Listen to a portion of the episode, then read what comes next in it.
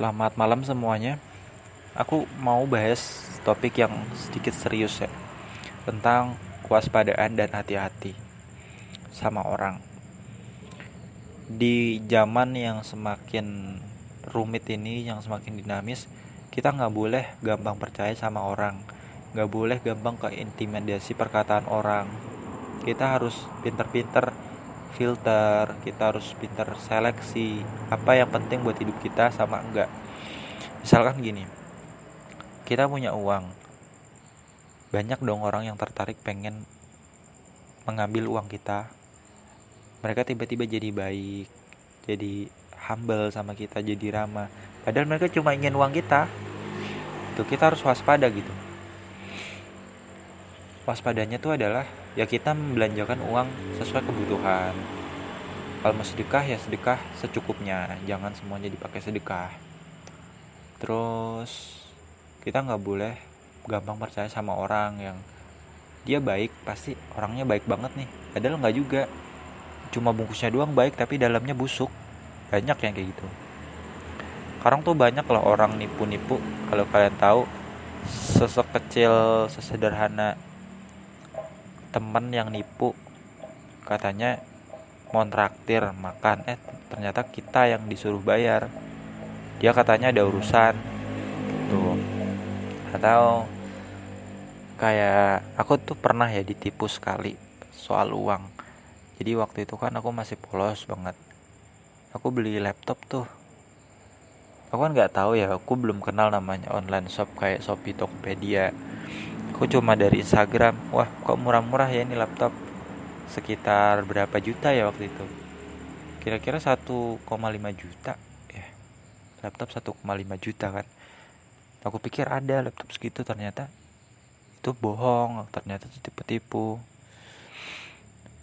Ternyata tuh saat mau ngirim dia katanya suruh ngirim uang lagi sekian juta sekian juta. Aku kan mulai ragu kan di sini ya udah akhirnya aku blokir. Aku ikhlasin uang 1,5 juta itu ya udah. Mungkin emang bukan rezekiku. Mungkin emang aku yang harus hati-hati nggak gampang percaya sama orang. Dan aku dari situ nggak pernah buka Instagram untuk belanja-belanja. Jadi aku udah nggak percaya namanya sosial media itu cocok untuk jualan.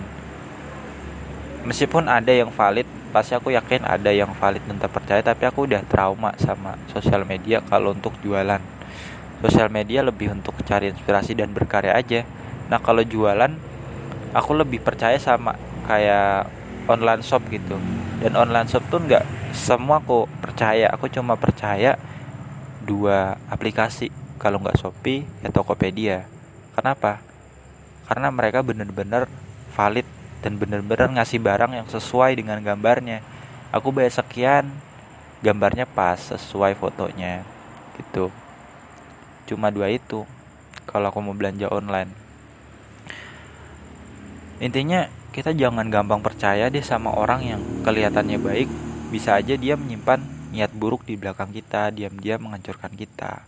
Kita kan nggak pernah tahu ya namanya orang tuh sifatnya gampang berubah. Jadi harus hati-hati dan selektif lah memilih teman. Sejak itu aku punya teman baik. Aku nggak mau masuk di lingkungan yang toksik. Aku lebih baik nggak punya teman daripada punya teman tapi toksik ya kan?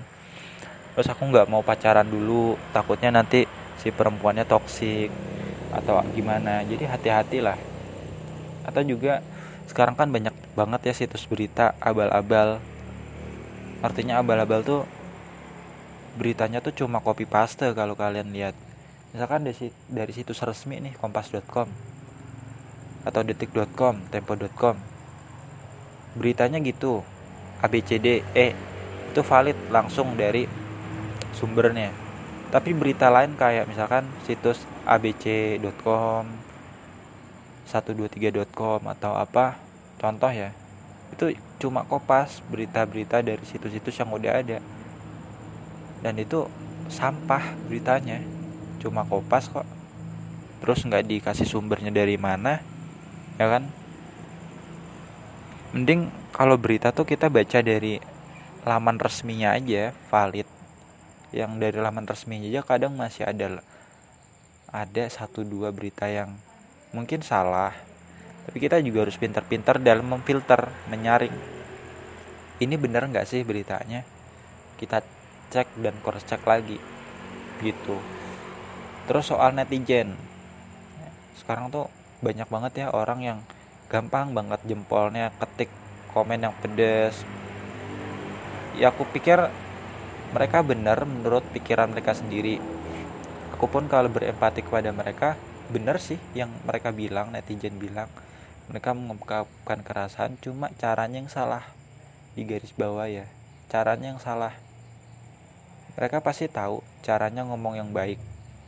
Mereka punya teori untuk komentar yang baik tapi nggak digunain.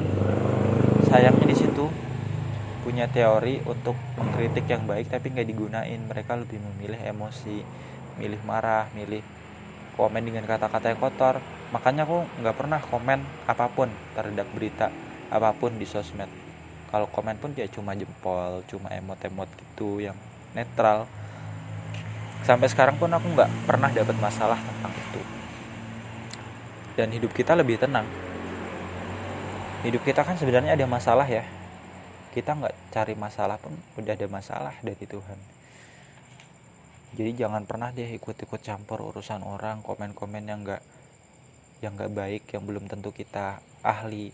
Soalnya setiap apa yang kita komen itu akan dipertanggungjawabkan kalau nggak sekarang ya di akhirat. Gitu.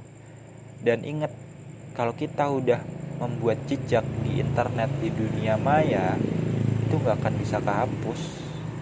Kalaupun bisa dihapus mungkin udah ada orang yang screenshot mungkin udah ada orang yang copy paste terus disebarin kita nggak pernah tahu. Itulah bahaya dunia maya. Sangat mudah untuk menyebarkan informasi. Jadi sekali lagi aku ingetin kita harus hati-hati nih dalam sosial media dalam berkata-kata dalam memilih teman memfilter berita.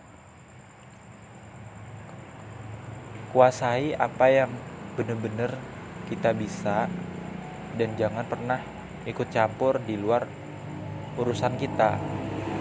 Kita ini kita ini udah punya banyak masalah jadi jangan nambah masalah sama orang lain. Penyelesaiannya lebih rumit.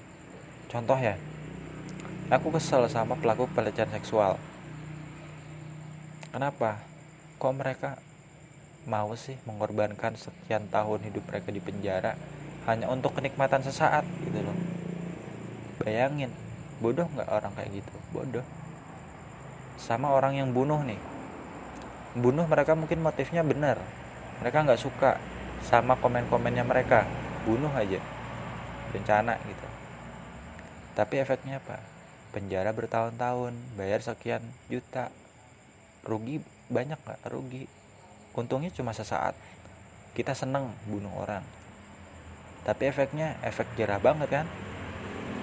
Waktu anggaplah 10 tahun penjara. 10 tahun penjara itu bisa kita gunain untuk hal-hal kebaikan nambah amal untuk memiliki perusahaan ini. Harusnya gitu. Tapi kita malah menghabiskan waktu di penjara. Sayang banget kan jadi mumpung kita belum terjerat kasus semoga jangan ya. Kita harus hati-hati nih dalam bertindak dan berpikir. Di tengah hiruk pikuknya berita yang hilir mudik tentang berita negatif ini itu kita harus tetap jadi orang baik menurut cara kita sendiri semampunya biarinlah orang ngomong kasar lah ngomong apalah. Biarin mereka toh mereka juga yang mau tanggung jawab kan? Yang penting kita jangan.